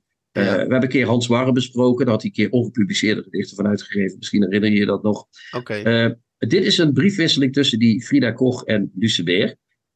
bezorgd en ingeleid door Gaap Boomsma. Dus uh, ook alweer een voorwoord, Hans. Maar in dit geval niet, uh, niet, niet onnodig. Want uh, anders hadden de lezers niet geweten wie wie was en waarom. Frida Koch was een kunstenares. Luce Beer was dichter en kunstenaar. Dat weten we zelf nog wel. Weet, ik weet niet of de jongere lezers dat nog weten. Frida Koch was echtgenote van weer een andere schrijver, Bert Schierbeek. En ja. Bert Schierbeek hoorde bij de vijftigers, net als Luce Beer. Uh, dit speelt zich allemaal af, die brieven tussen 50 en 52. Ah, okay. uh, Luce Berber stond aan het begin van zijn carrière. Uh, die eerste bundels van hem, die geniale bundels, moesten nog, waren net aan het verschijnen of moesten nog net verschijnen. Bert Schierbeek had net het boek Ik gepubliceerd, of zou dat net gaan publiceren. Dus ze waren ja. allemaal nog bezig met iets te worden. Ja, en ze waren vooral aan het experimenteren, hè? In, de, in de dichtkunst in ieder de, geval. Nou, ze experimenteerden in de dichtkunst, maar ook in de liefde, kan ik dat, vertellen. Dat wil ik dit zeggen. Ja, ja want daar, komt, daar gaat dit boek dus over. Want op een gegeven moment komt die Luce Beer op, op straat te staan. Uh, uh, en dan zegt Bert Schierbeek, die een erfenis heeft gehad en een groot huis heeft gekocht, kom jij maar bij mij wonen. nou, dat had hij beter niet kunnen doen, want binnen de kortste keren was Luce Beer met die Frida Koch vandoor van hem. Ja, dus, ja. Uh, en, en daar zijn die brieven dus aan te danken die we nu hebben. Okay. Het grootste deel van de brieven is van Luce Beer. Ik heb nog niet gezegd hoe het boekje heet. Het heet Wij zijn het paradijs. Brieven 1950-52. Okay. het grootste deel van die brieven is van, van Luce Beer die er op de van hem bekende wijze flink uh, van leer trekt. Het is de grootste liefde van zijn leven. Als hij niet onmiddellijk bij hem komt, dan zal hij zich uh, verhangen bijna. Uh, het is allemaal heel oh, romantisch. Dus hij vraagt eigenlijk toestemming stemming van Bert Schierbeek van... Nou nee, Bert Schierbeek gaf min of meer wel toestemming. Want het waren wel vrije jongens voor die ja. tijd. het is zelfs zo dat op een gegeven moment loopt de situatie een beetje op. Komen ze in een soort driehoeksrelatie terecht. Dat lukt niet helemaal. En op een gegeven moment gaat Bert Schierbeek zijn eigen huis uit, Hans. Moet je nagaan. Uh-huh. zou, jij, zou jij het doen? zou jij zeggen van, oh, je wil even een tijdje rustig bij mijn vrouw hier zitten? prima, ik ga wel eventjes op een kamer ergens zitten. Hoe dus, dus, dus, dus, de, de, mythische, de, de mythe uh, Lucebert wordt in ieder geval door dit boek nog weer een... Eh, ja, precies. Ja, ja, dat is wel zo. Die Lucebert die had er de wind aardig onder toe. Ook al bij ja. andermans vrouw. Zeg maar. ja. Um, het is een heel mooi uitgegeven boekje, klein boekje. Uh, heel mooi ingenaaid, mooi vormgegeven door uh, Martin Vrijns. De brieven zijn, uh, ja, dat is, dat, dat is zoals altijd bij dit soort boeken. Je moet echt van Lucebert houden om het mooi te vinden. Ja. En ook een klein beetje van Bert Schierbeek misschien. Ja. En nou ja, die wordt er niet. Die, die brieven van Bert staan er niet in. Die oh, die staan er niet in? Nee, nee, wel de brieven, de brieven van Frida wel. En oh, dus aan elkaar. Er zijn een paar brieven van Frida bewaard gebleven, acht. En, en, maar de brieven van Lucebert, daar denk ik dat de meeste mensen op aanslaan. Lucebert is dus behoorlijk uh, van de kook, zeg maar. Als ik het zo mag zeggen. Die is aardig van slag. Ik vind Frida Koch uh, een stuk rustiger. Die ziet het uh, een stuk beter aan. Oké, ja. En die is op een gegeven moment in, uh, dus dat heeft tussen 50 en 52 geduurd. In 52 laat ze ook wel merken aan uh, Lucebert van nou, dit is uh, misschien allemaal niet meer zo gezond wat wij hier aan het doen zijn. Ja. Dit loopt helemaal uit de romantische klauw. En dan op een gegeven moment komt Lucebert weer in dat huis en dan blijkt ze een andere vriend te hebben. En ja, dat was natuurlijk in het wereldbeeld van Lucebert niet echt fantastisch. Dus, maar die hebben ze toen de Van Egenstraat, waar uh, verschillende mode uitgezet. Uh, Einreich, Führer gewoon. Uh. Ja, ja, ja, dat is wel heel flauw, Hans. Om met de nazi-taal te verbinden. Omdat hij zelf ook bij de. Ja, hij was. Ja, oké. Hij was een beetje sorry, fout. Sorry, sorry. Ja, nee, we, we, zullen kijken. Nee, nee, nee, nee, nee, hoeft niet. Nee, laten we erin gewoon. Dat is ook wel waar. Hij was ook een beetje totalitair van karakter. Dat zou je zeker kunnen zeggen aan deze brief. Eh, de heer ook heeft mijn admirateur je van het station gehaald.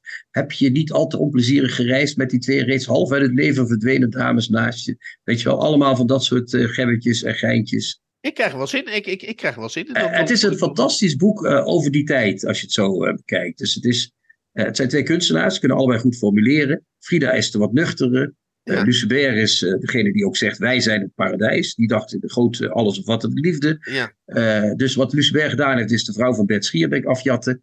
daarna had ja. Schierbeek geen vrouw meer, Lucebert ook niet. En iedereen met de gebakken peren, maar ze zijn allemaal toch goed terechtgekomen. Ja. Dus ik zou zeggen: Wij zijn het paradijs. Brieven, van, brieven tussen Frida Koch en Lucebert. Tussen 1950 en 52 geschreven.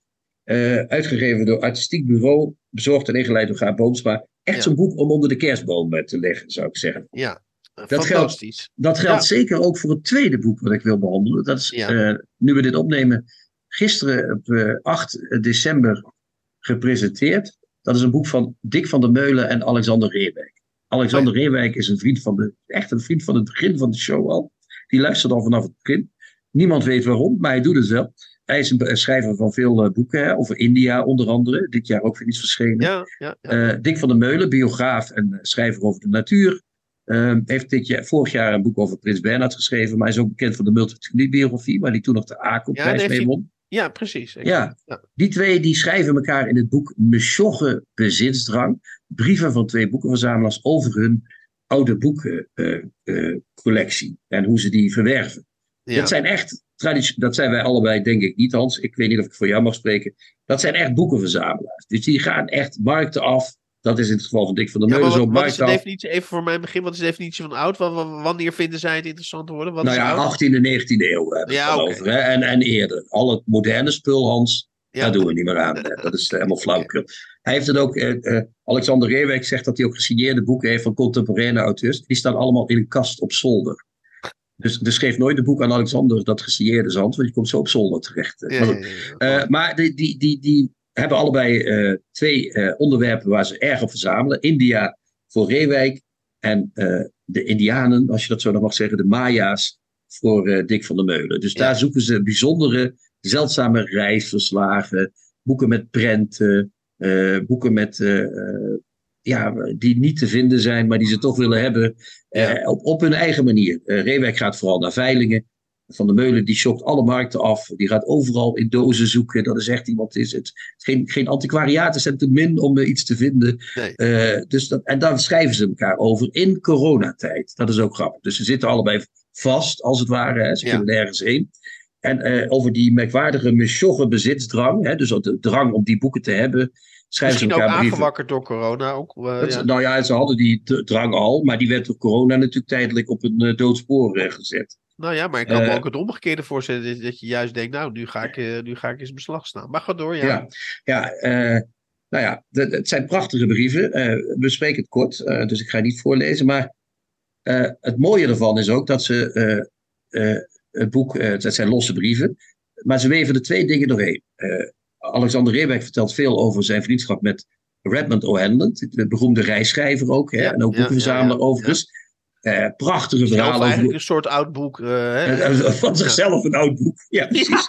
Hij, hij heeft het heel goed gezegd. Hij, hij beschrijft hoe hij met hem naar een bepaalde Chinees gaat, altijd in Amsterdam, vlakbij Artis, als ze daar gewerkt hebben. Daar is ook nog een boekje dat in het menu van die Chinees is ingebonden, ooit van verschenen. Zo maken die boekenliefhebbers, zorgen dus weer voor boeken die door andere boekenliefhebbers gekocht moeten worden. Uh, die schrijft daar heel veel over die O'Handler doorheen. en Dick van der Meulen schrijft over de reis die hij ooit gemaakt heeft naar ruïnes van een Maya-stad. En waar hij dan het allergelukkigst in zijn leven ooit geweest is. Die schrijft okay. door die brieven heen. Dus zij maken die brieven ook nog mooi rond. Dus het zijn niet alleen een boek, verhalen over die merkwaardige, uh, wat bleke mannen altijd die achter boeken aan, aan shocken, zeg maar. Ja, ja. maar. Maar het, zijn ook echt, het is ook een literair boek geworden. Wat doe jij met je leven? Ik shock achter boeken aan. Ja, ja, mooi, ja, ja, ja, ik ook eigenlijk. Maar ik, ik ben geen verzamelaar. Ik ben echt iemand die koopt omdat ik het wil lezen. Dus ik voel me ook altijd een beetje suf als ik bij in, in, in, het gezelschap van dat soort mensen. Die mensen weten ook zoveel. Alexander en Dick zijn echt. Die weten ontmoedigend veel. Dat is echt verschrikkelijk. Dick weet ook alles van de natuur. weet je wel, je kunt geen, geen vliegje zien of hij weet hoe, waar het vandaan komt, hoe het ontstaan is. En Waar het voor het eerst beschreven nou, is. Noem maar even de, de, de, de ik zal de, de kiegegevens. Het is dus uh, Dick van der Meulen en Alexander Reewijk. Besjoggen bezitsdrang. Brieven van twee boekenverzamelaars. Het is net verschenen bij de Walburg Pers. Het is echt ook, net als dat boek over Lucebert en Frida Koch, van Lucebert en Frida Koch, echt iets van onder de kerstboom. Het is een fantastisch boek. Ik, ik moet toegeven, maar dan moeten we even, uh, hoeven we nu onze luisteraars niet meer lastig te vallen. Uh, ik vind het wel leuk uh, dat we af en toe misschien, in plaats van al die doorwrochte verhalen en, en, discussies die we dan over boeken hebben, bij tips. Dat we gewoon even aanraden. Dat we af en toe iets, iets, iets enthousiasmerend aanraden, inderdaad. Uh, en dat zou dus kunnen betekenen dat we misschien in de toekomst uh, nog uh, de, de, boekenstroom naar de nieuwe contrabas nog verder gaan vergroten. Dat we dus zeggen van we kunnen een grote bespreking aan het boek wijden, maar we kunnen het misschien ook in de, in de rubriek die we dan moeten gaan creëren, in de rubriek uitgelicht gaan. Ja, want, dat heeft, want de NRC heeft geen kotjes meer, dus dat zou wel een ja, daar, zou, daar zouden wij zomaar in die niche, in die, dat gat zouden we zomaar kunnen duiken, inderdaad. Maar dit kan eruit, Erik, deze hele beschouwing. Nee hoor, helemaal niet. Oh nee? Oh, die moet erin. oh, sorry, neem me niet kwalijk. Oh, ik, ik, dacht dat dit voor een redactieoverleg was, maar dit is gewoon nog podcast. Oké, nou dan houden we het allemaal in. Inclusief deze merkwaardige bespreking van mij. Ja. Oké. Uh, ja, Ga jij eens even tenzij, jij, jij, tenzij jij een geheim net hebt prijsgegeven. Nee, nee, nee, helemaal niet. Jij, jij hebt ook nog een boek, Hans. Je had ook ja, iets ik, moois uh, nog. En, en ik, ben, uh, ik ben net zo enthousiast, denk ik, zoals jij bent over die twee vorige boeken. ik had namelijk nog een boek liggen, dat had jij ook liggen, maar dat heb jij er dus niet. ik heb dat geveegd, jij hebt dat even laten liggen. Dat is namelijk de dichtbundel Sloppenwijk van het Hiernamas van Joris Minema. Dat is de laatste bundel in een trilogie, verschenen bij de Eindhovense poëzieuitgeverij Opwenteling. En uh, ik begrijp steeds niet, want ik, sla die, uh, ik krijg dat bundeltje dan opgestuurd. Ik weet niet hoe het bij jou werkt. Ja, ik heb hem uh, ook Maar ja. ik heb meestal een redelijk volle agenda, dus dan leg ik zo'n bundeltje ergens neer. En, ja, dan... en ik raak het meteen kwijt ook, altijd. Oké, ja, nou dat, dat, dat, gebeurt bij mij ook dikwijls. En dan komt er een onbewaakt moment. Mijn neus loopt nu een klein beetje vol, sorry. Uh, uh, en dan sla ik dat open. En ik moet sowieso door de vormgeving, moet ik altijd denken aan die bundels van Anouk Smies. Want die uh, hebben wij in deze podcast ook een paar keer heel positief uitgelicht. Als een hele, hele kundige, spannende dichter. dichter. en dit ja. is dus ook bij opwenteling uitgegeven. Dus ja, opwenteling, die vormgeving vind ik wel heel lelijk, als ik eerlijk moet zijn. Oké, ja, nou ja, goed, Dat, dat, dat, dat, dat even terzijde. Het is net alsof je een bak modder eroverheen gooit altijd. Dat, ja. maar ze hebben dus wel, wat je er ook verder van de vormgeving vindt, ze hebben dus wel een neusje voor... Hele goede dichters, ja. Voor, voor bijzondere dichters, uh, eigentijdse dichters dus. En ik ga in ieder geval twee, even als proof of the pudding, ga ik twee gedichten voorlezen uit deze bundel. En dat is, staat op pagina 29. Het gaat dus over de bundel Sloppenwijk van het hiernamaals. Ik vind ook eh, prijzen voor titels is misschien een beetje vreemd, uh, uh, een beetje vreemd fenomeen. Ja, dat doet Stichting Granaten, doet dat, hè? Die voor de beste titel van de beste... Oké, maar ik vind Sloppenwijk van het hiernamaals vind ik een prachtige titel. Ja, is het ook. Ja, ja. en ik, ga het, ik ben gefascineerd zelf ook als journalist door het thema welvaart. In dit gedicht heet welvaart, dus het is geen wonder dat mij dat aanspreekt. Ja. welvaart. Welvaart werd gestaakt door heel het land. Alle korenvelden wereldwijd simultaan in brand gezet. Je hoorde de graangeesten knisperen en schreeuwen, ook op de nationale televisie, ook op de nationale televisie, niet alleen op CNN. De geesten moesten van binnenuit gereinigd worden. Al onze crisissen en depressies krachtig uitgebannen. Experts lieten op beeld zien dat tussen de vezels duidelijk paarse hiernamaals schimmel zat. Weg met de dood, schreeuwde een verslaggever. En toen de laatste halm was weggeschroeid, werd welvaart officieel weer opgestart en de beurs heropend. Ja, schitterend. Ja, schitterend. Ja, heel mooi gedicht. Maar ja, ik vind. Ja. Ja, wat ik, wat ik, wat ik bij, bij Joris ja. Miedema, want als, ik heb natuurlijk even mijn hoofd gebogen over hoe formuleer ik dat, wat vind ik nou bijzonder of waarom spreekt deze poëzie mij aan? Het deed me heren, eh, hij, hij laat op een goede manier, op een enthousiasmerende manier, wat mij betreft, allerlei beelden over elkaar heen duikelen in die gedichten. En het deed mij eigenlijk, ik weet, jij bent oud genoeg, Chrétien, om dat nog te weten. Vroeger had je van die filmpjes van Monty Python, waar, waar af en toe uh, zomaar dingen in het decor werden geschoven. Of, uh, oh of ja, ja, ja, ja, ja. Of er wat je bedoelt. Ja, precies. En dat, dat soort prettige chaos of anarchie zie ik ook in deze gedichten van Joris Miedema. Ik, ga er nog één voorlezen, dat heet Vuurvogel. Vuurvogel. Ik droomde al dagen over de mooiste vuurvogel die ik ooit heb gezien. Hij zat op de schutting bij ons ouderlijk huis, met zijn lange staart als een bos brandende bloemen. Toen de compulsieve drang het dier te willen vangen groter werd, kleurde mijn lijf oranje van jaloezie. Mijn buik voelde schubachtig aan. Ik vloog tralies van mijn borsthaar. Mijn hart veranderde in een suggestieve brie. Toen ik het majestueuze dier eindelijk uit mijn droom wist te halen, maakte dat hem nog niet vrij.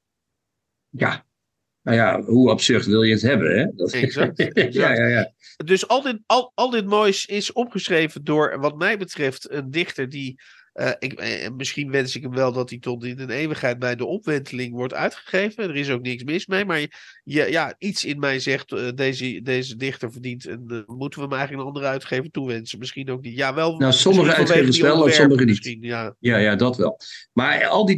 ik vind opwenteling, maar dat hebben we al eens eerder gezegd. Echt, die hebben echt een goede goed fonds nu. Ja, zeker. En uh, ik zou zeggen dat het wordt druk onder de kerstboom, maar die hele trilogie van uh, Joris kan er zo onder uh, ook. Exact, exact. Ja. Dus dit was het derde deeltje. Sloppenwijk van het hiernamaals. Uitgegeven bij opwenteling, ik neem aan in 2023, moet ik nog even ja, hoor, kijken. Zeker weten, ja. en nou ja, voor mensen die van goede eigentijdse Nederlandse poëzie houden, of nog steeds houden, die paar mensen die daar nog in geïnteresseerd zijn, Joris Miedema verdient, wat mij betreft, nee, niet in een andere uitgever. Nee, hij verdient gewoon een literaire prijs, verdorie. Ja, iedereen naar de winkel om een boek te kopen. Pot voor drie, drie dubbeltjes. Ja, exact, ja. exact. Nou, Dan heb ik, ik heb er nog twee. We zijn, oh, je hebt er uh, nog twee, ja. Nou. De kerstboom wordt echt een soort uh, boekhandel. Uh, onder de kerstboom wordt het een soort boekhandel. Um, twee auteurs. Eentje die al een biografie heeft. Max de Jong. Kende jij die of niet? Ja, van naam. Van naam, oké. Die heeft de biografie van Nico Keuning, die is in 2000 verschenen. En een auteur die uh, nog een biografie moet krijgen. Menno Wigman, die ken je ook, hè, denk ik. Of niet? Ja, ja. ja. Uh, ik zal beginnen met Max de Jong. Die heeft dus al een biografie. Max de Jong is echt een, wat je noemt, een van de weinige Nederlandse cultschrijvers. Echt mm. iemand die, een klein groepje kent hem. Hij is ook maar 33 geworden. Eh, ik geloof dat hij, eens even kijken, tussen 2000, ja, 1917 1951 net geen 34 geworden. Dus was, hij was te vroeg uh, bij om dood te gaan. De, die had één dichtbundel bij leven gepubliceerd. Dat heet Heet van de Naald. Dat is een lang gedicht over een verloren liefde. En Max de Jong was ook een beetje een sukkelaar in de liefde en in het leven zelf. Nou ja, we zouden nooit meer van Max de Jong gehoord hebben als niet ergens in de jaren 90 Hans van Straten. Het wordt nu wel echt iets voor oudere luisteraars, geloof ik. Hè? Als niet Hans van Straten in de jaren negentig een roofdruk gemaakt had van zijn dagboek. Die man had het dagboek geschreven over zijn gruwelijke gang door het leven en, en de liefde. En uh, dat mocht niet uh, verschijnen, want de familie hield dat tegen. Je kent het wel, hè? Familie okay. vinden altijd, denken altijd dat het erg is. Wat hun, ja. ja. die denken altijd dat dat niet mag, niet gepubliceerd en dit en dat.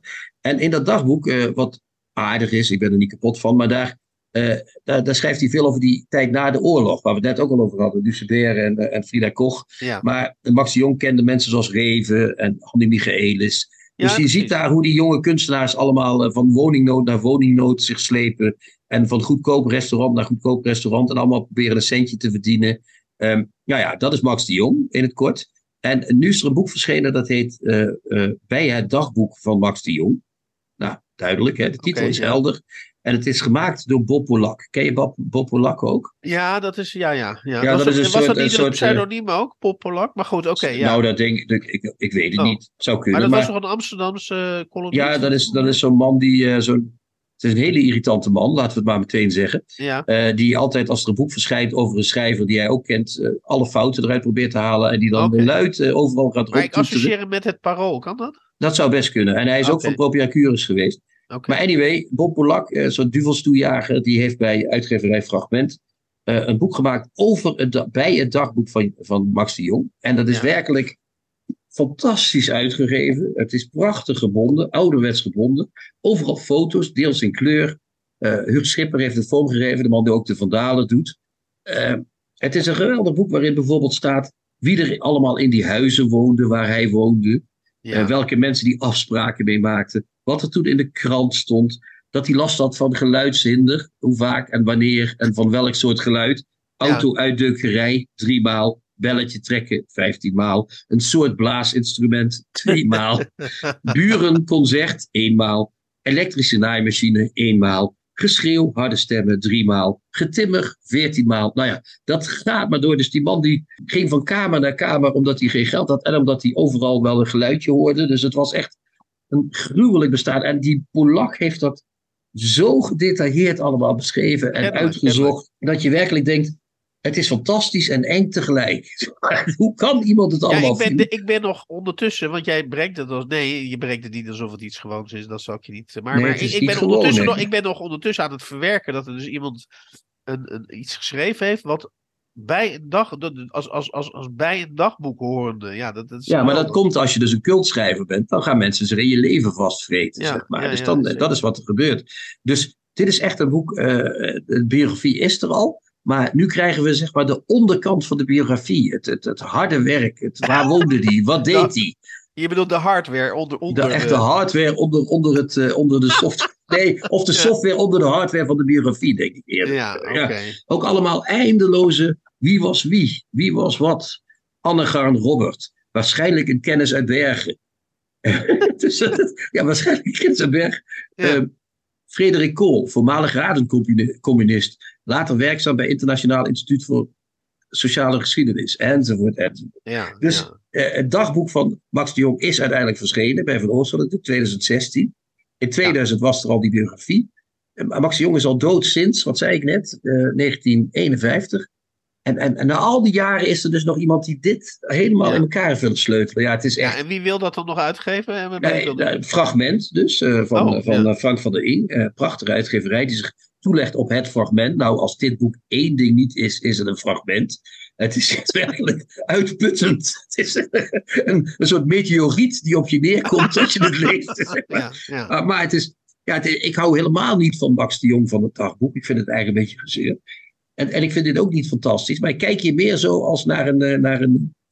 Ja, voor de mensen die van de Jong houden, dus die 200, is dit fantastisch. Ik Ja. kijk ernaar als naar een soort. Ja, als- alsof het een natuurramp is, zeg maar. ja, je kijkt er als naar een antropoloog. eh, kijk je Ja, naar, het is naar- van, zo, zo, zit, zo werkt het dus in het hoofd van Bob Polak, denk ik dan. Ja, Ja. ik vind het echt Ja. vind het boeiend. Ik vind het echt oprecht boeiend. Ja, en ik Maar of ik nou in- in het vrijwillig kader van gelezen de- In het kader van de antropologie probeer ik me dan ook voor te stellen dat je dan Bob, Pol Bob Polak maal, maal 100 hebt. En dat je dan een heel, een heel volk hebt van mensen van Bob Polak, zullen we zeggen. Ja, ik stel me ook wel eens voor dat mensen later over mij zo'n boek gaan schrijven.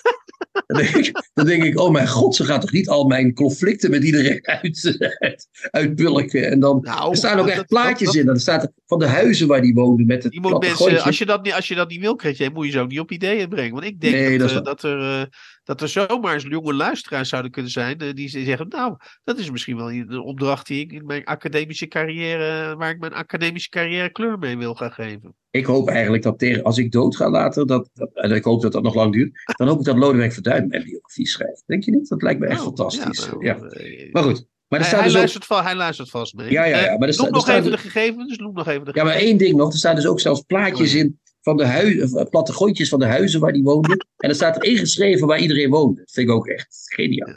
Uh, dus dat heet uh, Bij het dagboek van Max de Jong. Uh, met bijdragen van Solange Leibovitz, Hugo Schippers, Piet Schreuders en anderen. Maar eigenlijk is het helemaal gemaakt en met strenge hand geregeerd door Bob Polak. En het is verschenen bij Fragment in 2023. Het is echt maar even nog, een, even, nog een kleine even nog een kleine aantekening. Al die boeken die jij nu uitlicht, uh, die heb ik. Die, die, jij hebt een apart lijntje liggen daar. Uh, want, want, ja, blijkbaar. Die, nou, die, die, heb ik, die heb ik allemaal niet opgestuurd gekregen hoor. Maar goed. Nou, ik had Frida Koch opgestuurd gekregen. Ik heb uh, dat boek van Dick en Alexander gekregen. Oké. En dat boek van Bob Polak heb ik ook gekregen. Maar ik heb het laatste boek wat ik aangaat, heb ik zelf gekocht. Dat gaat over Menno Wigman. Die moet nog een biografie krijgen. Ja, die, ja. Uh, biograaf van dienst is uh, sinds Rob van Essen het neergelegd heeft, die plus is uh, Erik Jan Harmens. Hè, die gaat dat doen. Okay. dus waarschijnlijk wordt er een biografie waarin wordt onthuld dat Menno Wigman autistisch is, ben ik bang. Maar goed, we zullen zien. Of alcoholist, of allebei. Kan ook. Ehm, er is een boek verschenen bij Weideblik in Varik. In de, dus ik weet niet of je het kent, uh, ja, ja, ja, van Ton en Bo, de uitgeverij. Uh, dat boek heet De Wereld van Wigman. Nou, goede titel. Samengesteld door Kiki Kouwmans met tekstbijdragen van Kiki dus zelf, Rob Schouten, Willem Ties en Vrouwtje Tuin. Nou, wat het mooie er... Nou, dat ja, maar, dat, dat was ook meteen met afstand het slechtste stuk uit het boek. Maar goed, daar komen we zo meteen op.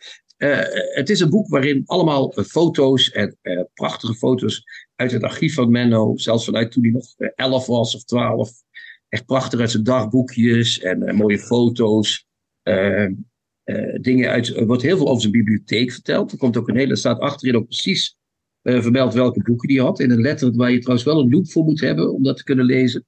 dus er wordt de hele bibliotheek wordt beschreven. Dat is mooi, want je kunt weten wat hij las en waar hij door beïnvloed is fotootjes van boeken die hij had, fotootjes van zijn eigen ik, huis. Heb, ik, ik, ik, wil je niet, maar eh, ik, ik, dacht dat ik net een goede nieuwe rubriek had, namelijk uitgelicht. Maar ik begin nu te denken van, wordt dit wel uitgelicht? Volgens mij wordt het, dit, wordt dit kan zomaar een langere rubriek ja, maar ik ben nog maar één minuut bezig, toch? Nee, over dit boek ja. Maar, maar, ja, ja. maar het is dus echt een plaatjesboek. Het is een soort voorwerk voor een biografie, zou je kunnen zeggen. Ja. Hè, de, en daarbij wil ik uh, één ding of twee dingen aantekenen. Uh, het ene is, het is echt een, voorbeeldig boek. Mooi, ook weer door Huub Schippers overigens. Of niet door Huub Schippers vormgegeven, dat weet ik niet zeker. Even kijken. Ja, ook weer door Huub Schippers, net zoals dat boek van Fragment. Dus die man die heeft het uh, maar druk. Er staan dus teksten in van Kiki Kamers zelf, die de biografie niet wil schrijven, want ze heeft mij nog goed gekend. En dat is echt jammer. Ik denk dat zij het beter zou kunnen dan Erik Jan. Dus ik zou, dit, dit boek is eigenlijk een pleidooi voor een biografie door Kiki zou dat zijn, eh, wat mij betreft. Dat is één. En eh, want de tekstbijdragen van zowel Rob Schouten, Willem Ties en Vrouwke Tuinman zijn niet zo dat je ze, nou ja, meteen denkt van daar koop ik het boek voor, zeg maar. Die hebben, eh, Rob Schouten heeft het veel over zichzelf. Willem Ties, een hele sympathieke jongen, maar die in zijn stuk over poëzie ook niet de helderheid zelf, als ik het eerlijk moet zijn. En uh, bij vrouwtje Tuinman gaat het weer over F. Staring. Dat vind ik ook niet het leukste onderwerp uh, ter wereld. Dus uh, het jammer van dit boek zou zijn, zou ik zeggen, is dat Kiekje er te weinig in geschreven heeft. Dat is echt, okay. ik, ik zou zeggen, maak nog een boek en maak het echt. Is dit een goede volgorde? Dus, de, dus de biografie is er nog niet. En dan krijgen we nu, even in, jou, in jouw woorden, krijgen we in feite een voorafgaand plaatjesboek. Ja, maar dat is heel vaak zo, toch? We hebben heel vaak, voordat de biografie van Wolkers verscheen van van, uh, van uh, Onno Blom, had hij een boek, heeft hij daar een soort deelstudie uit gepubliceerd. Ja, er is, het, het was vijf jaar geleden van uh, dit jaar dat Menno gestorven is, ja. 2018. Dus dit was een soort lustrumboek, zo zou je het kunnen zeggen. Het is het eerste lustrum van zijn sterven. Okay. ik vind het een, ja, nu is het nog allemaal vers. we weten allemaal nog wie Menno was. Dus als, als idee van een mooi plaat. Ook, ook, het is natuurlijk ook heel erg onze tijd. Hè? Dat is allemaal heel erg jaren tachtig. En die postpunk en, en al die ja. doe het zelf. Hij maakte zelf boekjes en uitge hij had een klein eigen uitgeverijtje, Nachtschade. het was heel donker en zwart en no future. het is heel erg herkenbaar ook uit mijn jeugd, een beetje, zeg maar. Dus, dus dat, dat trekt mij ook eruit aan. En, en al die dingen die zij erover schrijft zijn echt heel interessant. Dus het is echt, ja, ik, ik vind het als, kijk, zo'n biografie is vaak 600, 700 bladzijden. Maar dit is echt, eigenlijk weet je ook al heel veel als je dit bekeken hebt. Dus ja, ik vind het, heel, ik vind het heel mooi dat het verschenen is. Jij vindt het een goed voorafje uh, richting... Ja, ik vind het heel interessant. Vooral ook dat beschrijven van die bibliotheek. Dat wordt natuurlijk nooit in een, in, een biografie gedaan. Daar nemen ze dat niet helemaal in op. Dus dat is... Uh, nou, ja, het, uh, gegevens. Het is, ja, het wordt druk onder de kerstboom, Hans. Want ook dit is weer echt iets om onder de kerstboom te leggen. Ja. Het heet dus De Wereld van Wigman, samengesteld door Kiki Kouwmans. En het is uitgegeven door Weideblik in 2023. Goed zo. Nou, uh, wat een enthousiasme, Hans. Wat een enthousiasme. Ja, nou ja, goed. Ik, ik, ik, had, ik, ik, ik, ik, eh, vroeger, ja, met mijn ouders lazen. Uh, ik ga nu, nee, goed. Successievelijk kom je natuurlijk steeds meer, iets meer over ons te weten. Mijn, mijn ouders hadden vroeger de NCRV-gids. Zo, zo. ja, zo, zo. Nee. Maar goed, er waren de KRO-gids natuurlijk, volgens, hè, katholiek. Ja, volgens mij hadden trouwens nog meer gidsen. Ook de KRO hadden allemaal die rubriek uitgelicht. En dan werd dan kort werd er dus iets uitgelicht. En uh, ja, ik, ik, ik, eh, nee, nogmaals, ik, uh, ik ging mee in je enthousiasme, uh, maar het, het is volgens mij wat langer, het, het viel wat langer uit dan geanticipeerd. Ja. Maar desalniettemin... Maar het is ook bijna kerstmis, hè? de mensen mogen ja, ons ook eens wat langer hebben. Precies. Ja. zijn, zijn we toe aan een soort, afro aan een soort stichtelijke afronding van 2023? Ja, we,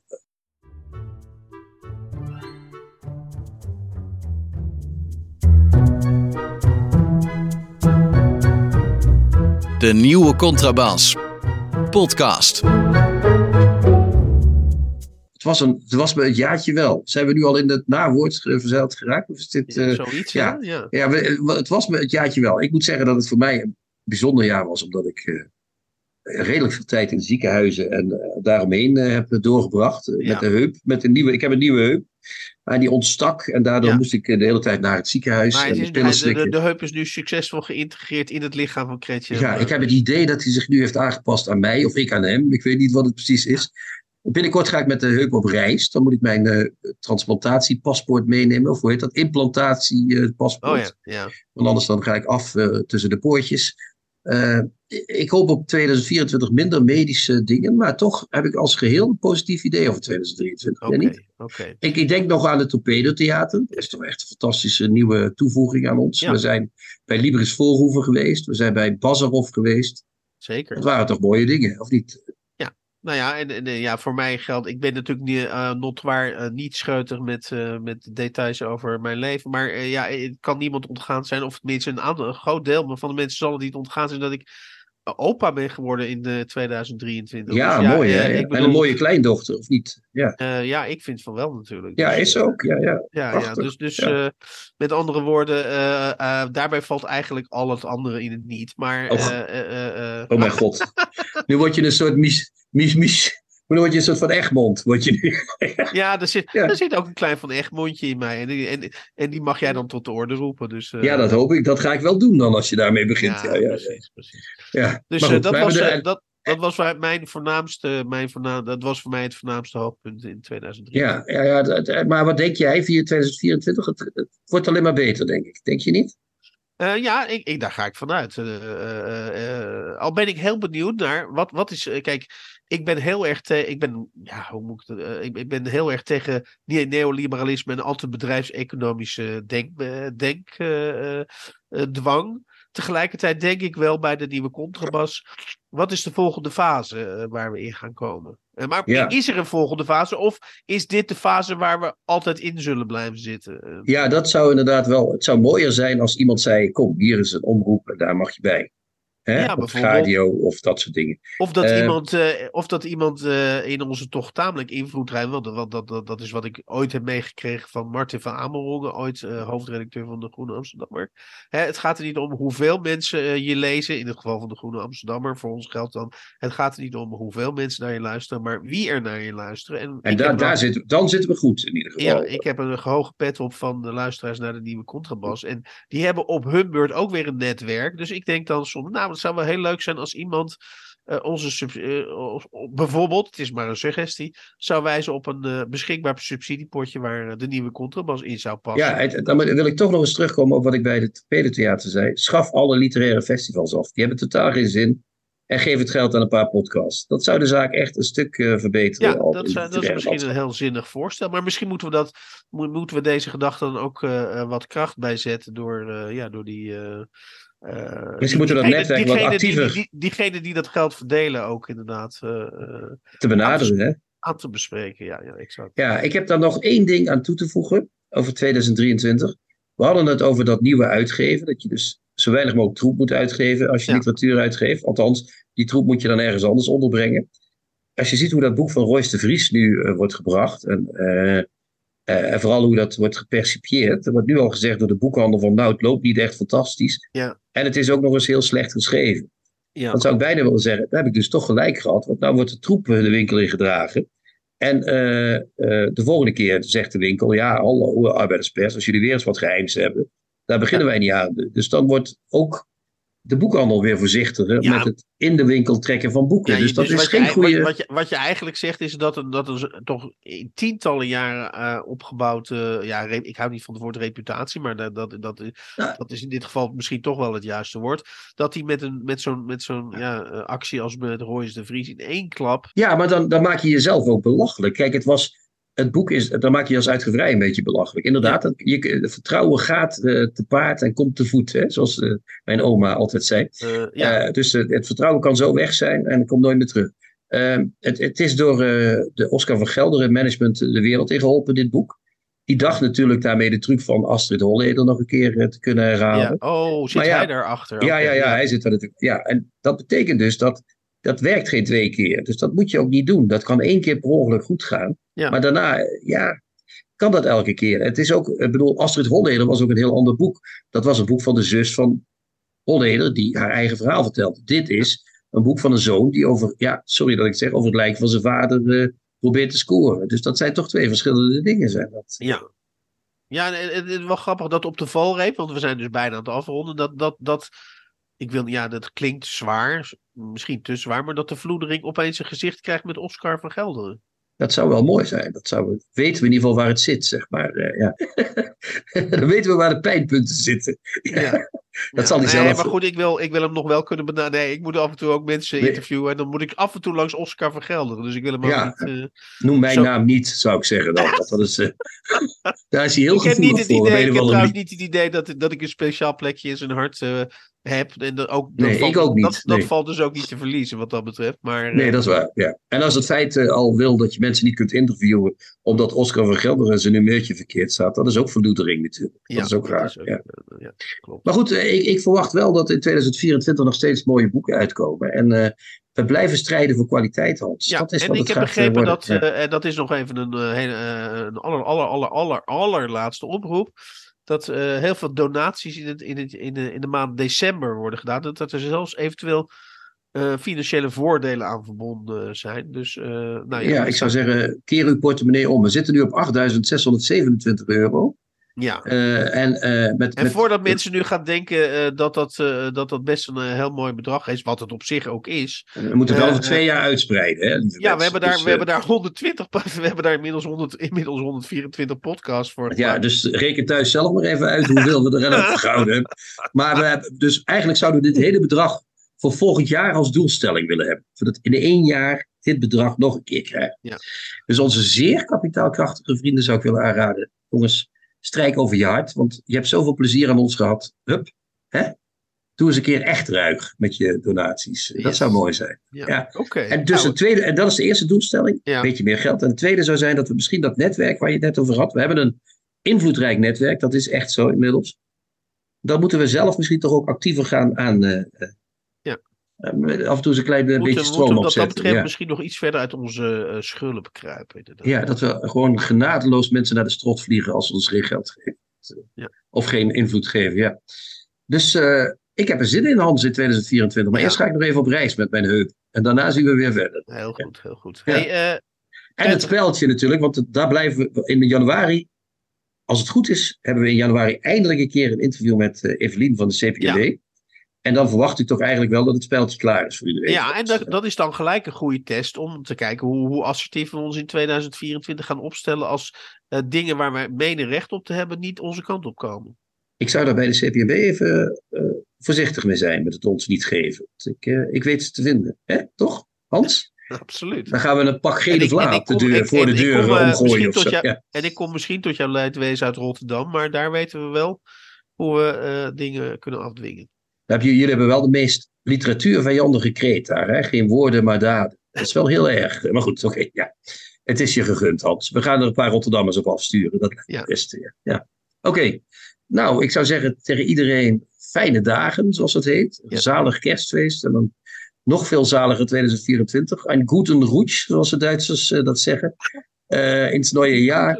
Uh, en uh, Hans, ik wens je ook alle goeds. Ga je nog met je kleindochter onder de kerstboom zitten? Ja, niet? ongetwijfeld, ongetwijfeld. En, Wat leuk. En, ja, en, en er zijn natuurlijk altijd voor de mensen die ons nog niet zo lang kennen, zijn inmiddels 124 afleveringen van de nieuwe Contrabas podcast. Dus dat betekent natuurlijk niet dat als wij even vakantie nemen, dat, dat jullie per se zonder podcast hoeven te zitten. En je kunt hem ook voor de tweede keer luisteren om het genot echt ja. helemaal intens te maken. Zeg maar. ja. Dus ik wens iedereen en ook jou Hans en jou ja. Erik uh, wens ik het, het beste. Het hele, het hele team. team. Team de contrabas. De nieuwe contrabas. Uh, ik zie jullie graag terug begin volgend jaar in goede gezondheid, zoals het heet. Ja. ja. Ciao, ciao. Wederzijds. Ciao, ciao. Tjoe, tjoe, tjoe. De nieuwe Contrabas podcast wordt gemaakt door Chrétien Breukers, Hans van Willigenburg en Erik Lindenburg.